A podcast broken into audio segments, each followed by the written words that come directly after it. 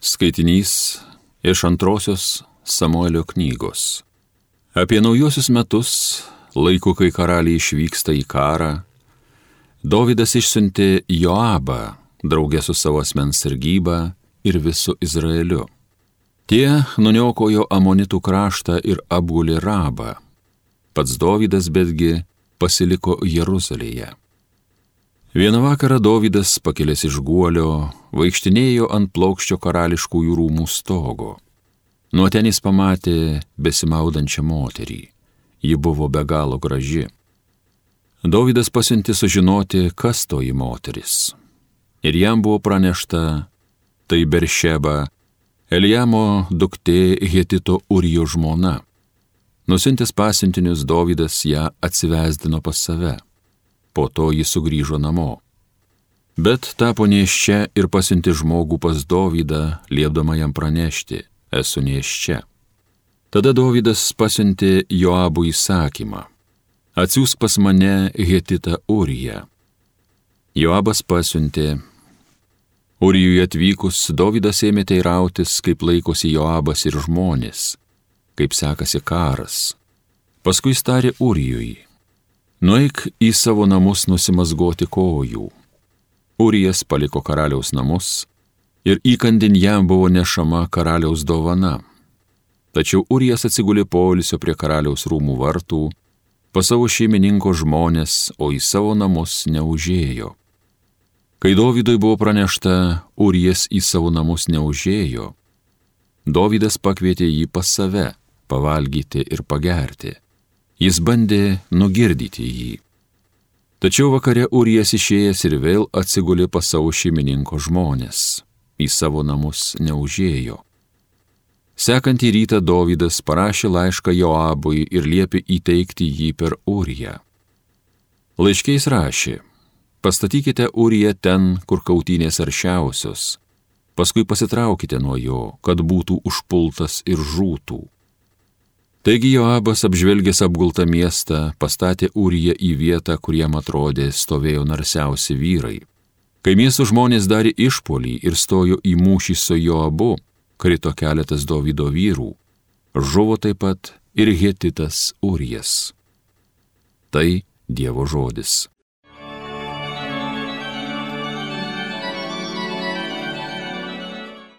Viešpatie, būk gailestingas, esame tau nusidėję. Pasigailėk manęs Dieve, tu didžiai gailestingas, gerumas tavo beribis, naikinki mano kaltybę, grinai nuplauk mano dėmę, numazgok mano kaltę.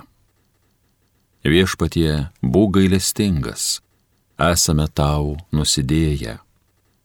Aš savo kaltybę pažįstu, man visakyse mano nedorybė Aš tau ir tik tai tau esu nusidėjęs, dariau, ką laikai tu piktybę. Viešpatie būk gailestingas, esame tau nusidėję. Todėl įsmerki mane tu teisingai, teisme mane kaltini, kaip yra verta, dėja ir aš, gimęs, esu nuodėmingas, su nuodėme motinoji aš prasidėjau. Viešpatie būk gailestingas, esame tau nusidėję. Suteiki man džiaugsmą linksmybę, išvargintiems kaulams leiski pradžiukti, nuo mano kaltybių nugręžk savo veidą, visas nuodėmės mano išdildyk. Viešpatie, būk gailestingas, esame tau nusidėję.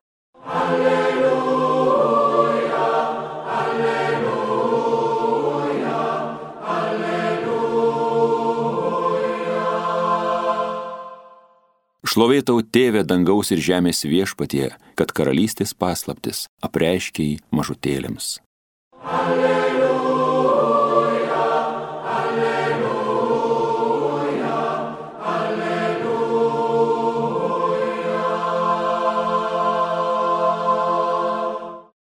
Iš Evangelijos pagal Morkų. Jėzus kalbėjo miniom, su Dievo karalystė yra kaip su žmogumi, kuris beria dirvon sėklą, ar jis miega, ar keliasi, ar naktį, ar dieną, sėkla dyksta ir auga, jam visiškai nežinant kaip. Žemė savaime duoda vaisių, pradžioje želmenį, paskui varpą, pagaliau pribrendusi grūdą varpoje. Derliui prinokų žmogus to jau imasi pjautuvo, nes pjūtis atėjo. Jėzus dar sakė, su kuo galima palyginti Dievo karalystę, arba kokiu palyginimu ją pavaizduosime. Ji tarytum garstyčios grūdelis, kuris sėmas dirvon, esti mažiausias iš, iš visų sėklų žemėje, bet pasėtas užauga, tampa didesnis už visas daržovės ir išleidžia tokias plačias šakas, kad jo pavėsėje gali susisukti lizdą padangių sparnuočiai. Daugeliu tokių palyginimų Jėzus skelbė žmonėm žodį, kiek jie sugebėjo suprasti. Be palyginimų jiems jis nekalbėdavo, o savo mokiniams skyrium viską išaiškindavo.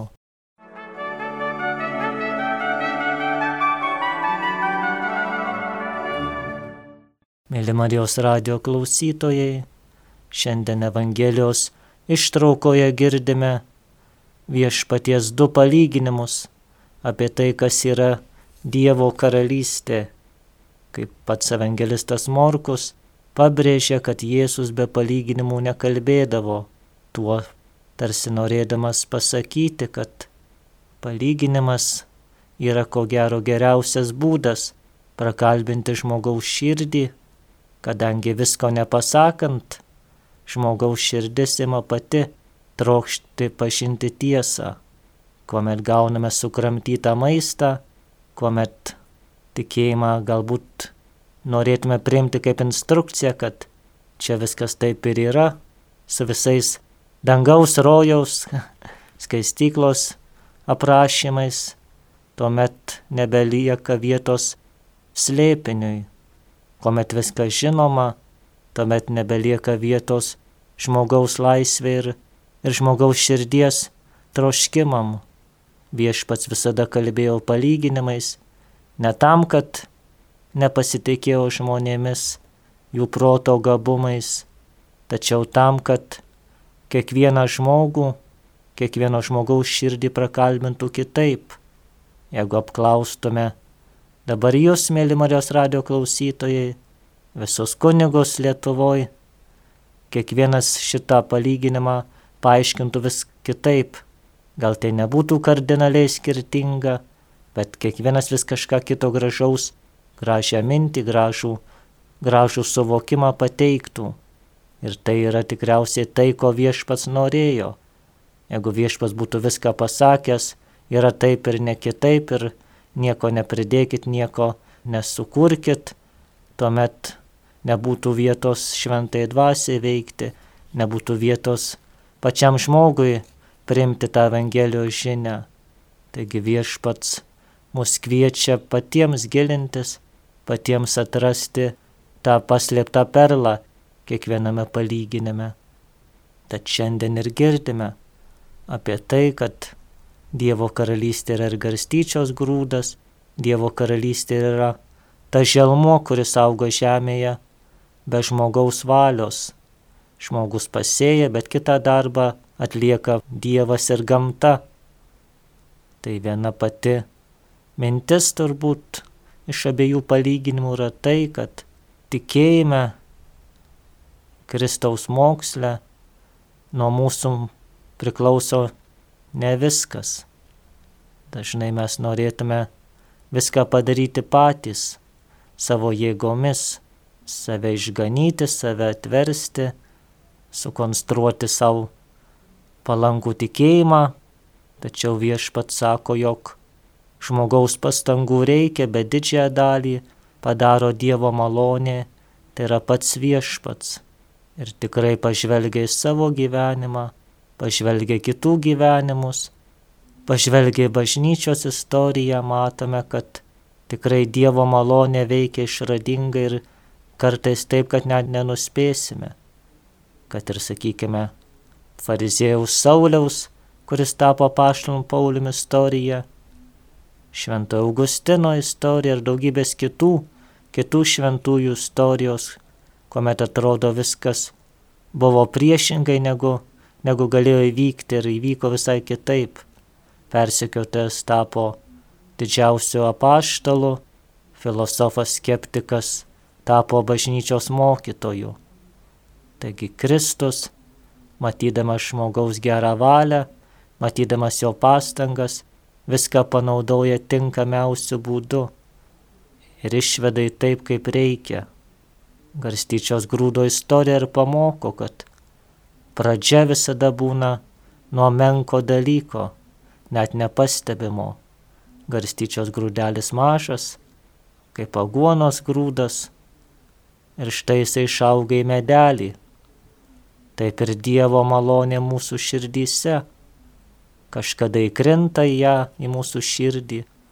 Ar tai būna galbūt išgirstas žodis, kažkoks pamatytas gražus veiksmas, mintis atėjusi ir jeigu jai leidžiame vystytis, aukti, tuomet Dievas mumise padaro nuostabius dalykus. Dažnai mes žmonės viską norime gauti čia ir dabar, per dieną tapti šventi, per, per vieną akimirksnį kitus atversti, Tačiau Dievas dažniausiai veikia priešingai. Jisai veikia per, per daugybę įvykių, per daugybę situacijų, per daugybę laiko akimirkų tam, kad, kad tas mažas grūdelis virstų nuostabių kūrinių. Tai galėtų būti ir bažnyčios pavyzdys. Iš dvylikos apaštalų dabar turime beveik milijardą su viršum tikinčiųjų Viskas prasideda nuo vieno žmogaus, gero noro, gerų pastangų. Kaip motina Teresė nekart yra sakiusi, kad užtenka vieno mažo lašelio į vandenyną ir tas lašelis pritrauks dar vieną, dar vieną ir taip gausis vandenynas. Taigi stenkime daryti, ką galime daryti. Dievas iš mūsų nereikalauja to, ko mes negalime padaryti, bet atsižvelgia į pačias mažiausias mūsų pastangas. Kiekvienam pagal savo pašaukimą, kiekvienam pagal savo matą, kiekvienam pagal savo galimybės. Viešpas mus ragina, viešpas mus kviečia pasitikėti juo, bendradarbiauti su juo, tikėti, kad jo malonė užpildys visas tas spragas, kurios palieka mūsų žmogiškas silpnumas. Jeigu viską darysime vien tik savo jėgomis, jeigu viską sukrausime ant savo pečių, pamatysime, kaip greit pralaimėsime. Neteksime dvasinės pusiausvyros, ramybės, visur matysime arba priešus, kurie mūsų nesupranta, arba visur matysime vien tik tai nuodėmės, skaičiuodami, kad ir tas veiksmas nuodėmė, ir anas veiksmas nuodėmė, ir taip nebeteksime evangelinio džiaugsmo.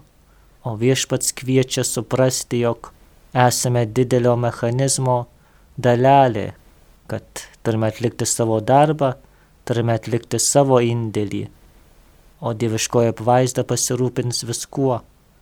Tai džiaugsmas ir pasitikėjimas, kad Kristus veikia ir visada veiks Mes galime arba atsiliepti jo veikimą ir tapti to visuotinio džiaugsmo dalininkais, arba galime užsidaryti ir galvoti, kad, kad niekas nuo mūsų nepriklauso. Tad stenkimės atsiliepti viešpatės kvietimą, stenkimės mažais darbais, mažomis pastangomis prisidėti prie didelio pasaulio išganimo plano. Amen.